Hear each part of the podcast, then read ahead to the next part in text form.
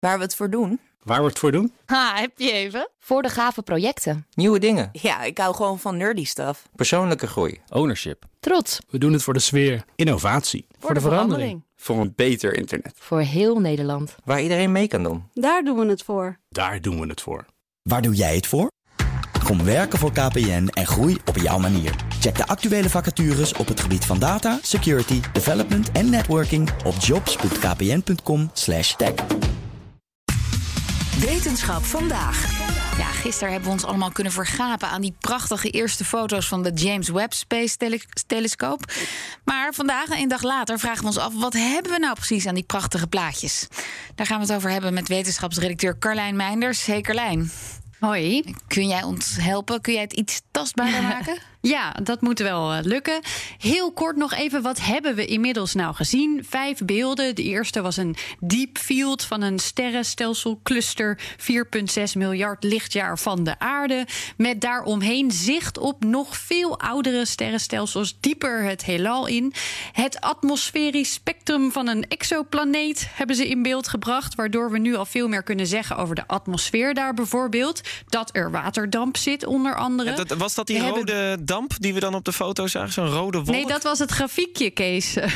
Nee, nee, ik heb, ik heb gisteren een foto gezien. Zag je echt zo'n rode wolk? Eh, Alsof je Ja, daar- van door een rode wolk naar de sterren keek. Komen we nog bij, ja. We hebben beeld van een uitdijende gaswolk rondom een stervende ster. Was ook heel mooi. Een groep eh, sterrenstelsels bij elkaar. Het quintet van Stefan genaamd.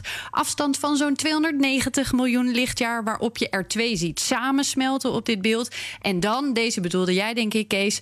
de Carina-nevel. Ik denk inmiddels Yes. screensaver Ja. van honderdduizenden computers op aarde. Wolken, oranje wolken van gas en stof waarin sterren geboren worden. Op zo'n 7600 lichtjaar verwijderd van ons. En zijn dit eigenlijk allemaal objecten die we nog nooit eerder hebben gezien, letterlijk? Nee, nee, dat is ook meteen een verduidelijking van waarom nou deze beelden. Ze zijn eerder al eens vastgelegd door Hubble, de voorganger van Webb. Eh, waarom dan weer dezelfde dingen bekijken? Allereerst om te laten zien, kijk wat een enorme verbetering. Zoveel scherper kunnen we het nu krijgen.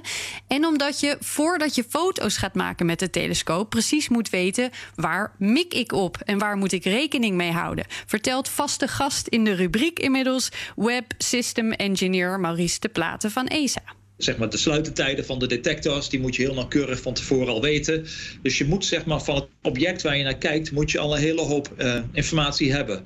Dat noemen we fotometrie, noemen we dat. We moeten weten eh, hoeveel licht er bij welke golflengte vanaf komt eigenlijk. En dat gooi je allemaal in hele speciale software. En die kan dan uitrekenen wat dan de beste eh, sluitertijden eigenlijk zijn. Dus de exposure times.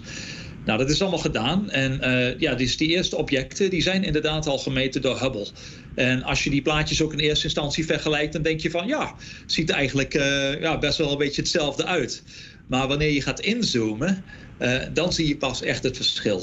Er zit gewoon zoveel detail in de opnames van. Eh, ik heb gisteren de plaatjes gedownload in ja, hoge resolutie format. En ik heb echt meer dan een uur mezelf, eh, ja, mezelf compleet zitten te verbazen over ja, zeg maar hoe scherp eh, die plaatjes zijn en wat voor level van detail dat je ziet. Dat is echt nog nooit eerder vertoond. Ja, dus we zien wel echt meer dan eerst. We weten nu meer. Zeker, we zien nu al dingen die op eerdere beelden niet te zien waren, zoals niet eerder ontdekte sterrenstelsels. Ja, nou, is nogal wat. En hoe kan het dan Ja. dat die beelden nu zoveel beter zijn? Die eh, verbeterslag zit hem onder andere, maar niet alleen, in de grotere spiegels. Ik heb volgens mij in de vorige aflevering wel eens verteld van, eh, dat eh het eigenlijk kan vergelijken met een emmer of een vingerhoedje. En dat die emmer dan veel meer regendruppels opvangt dan dat vingerhoedje. Nou, dat werkt in de optiek net hetzelfde natuurlijk. En een grotere spiegel vangt veel meer lichtdeeltjes in. En die kan je dan weer focuseren. En door ja, wetenschappelijke instrumentatie sturen. En daardoor heb je eigenlijk ja, veel meer licht in een veel kortere tijd. En het is niet alleen die veel grotere spiegel. Het is ook vooral het feit dat wij gevoelig zijn in het infrarood. Eh, als je dus kijkt naar eh, die objecten die heel ver weg eh, zitten, dat licht is verschoven naar het infrarode golflengtebereik. En Hubble had daar wel wat ja, mogelijkheden, maar was er zeker niet voor ontworpen en geoptimaliseerd. Webb is echt speciaal ontworpen om in het infraroodbereik te werken. En die nieuwe telescoop, James Webb, die is ook sneller, toch? Hij doet minder lang over het vastleggen. Klopt, ja. Een dag ten opzichte van weken voor één beeld, zo'n beetje. Nou, hoorde ik al van meerdere onderzoekers.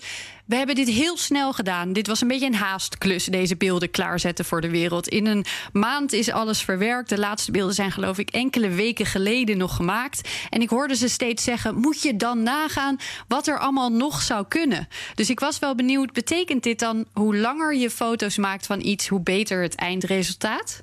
Ja, dan moet ik een klein beetje technisch worden. Het heeft met de signaal-ruisverhouding heeft dat te maken. Dus zeg maar, uh, iedere detector heeft een bepaald ruisniveau. Hè? En je moet zeg maar het signaal uit dat ruisniveau brengen. En uh, nou, even weer teruggaan naar die emmer, die regendruppels opvangt. Als je die emmer heel lang buiten laat staan, dan komen er heel veel regendruppels in. Zo is het ook met de telescoop. Die vangt dan ook meer lichtdeeltjes in. En zodoende kun je dus het signaal veel verder uit het ruisniveau halen. En daardoor worden ze ja, minder ruisig en veel scherper. Dan zie je veel meer detail. Dus langer kijken is beter. En wat gaat er dan nu eigenlijk gebeuren? Nu kunnen onderzoekers aan de slag met wat er op die beelden is vastgelegd en wat er met die meting is vastgelegd. En dan gaan er allerlei onderzoeksprojecten lopen. Want je hoorde al, je moet weten waar je op mikt. Dus dat is allemaal vooraf al afgesproken. En dan is het dus ook echt zo dat dat een beetje op locatie wordt ingedeeld. Als jij met de telescoop een hele andere richting op wil kijken, eh, dan moet je, ehm, ja, dat, dat kost tijd. Want het hele observatorium moet dan zeg maar gesloot worden, hoe we dan zeggen. En dan moet er zeg maar weer een nieuwe guidestar gevonden worden. Daar moeten we eerst op inlokken en dan pas kunnen we gaan observeren. Het heeft natuurlijk geen zin om zeg maar, het observatorium van links naar rechts, van boven naar onder te bewegen. Dus we doen zeg maar, alles wel op een gestructureerde manier. En uh, ja, dat uh, heeft als voordeel dat je gewoon een grotere efficiency overal krijgt van het observatorium. we willen zoveel mogelijk tijd zeg maar, gunnen aan de echte observaties en zo min mogelijk tijd verliezen aan allerlei andere dingen, zoals bijvoorbeeld het uh, verdraaien van de telescoop zelf. Ja, die telescoop moet dus draaien. Hoe gaat dat dan in zijn werk, die draai? Ja, dat is een hele goede vraag. Ik heb het er met hem over gehad. Het is super interessant, oh. maar stof voor zo'n beetje een hele volgende aflevering. Dus dat komt snel nog een keertje voorbij. Ja, doe dat. Dankjewel, Carlijn.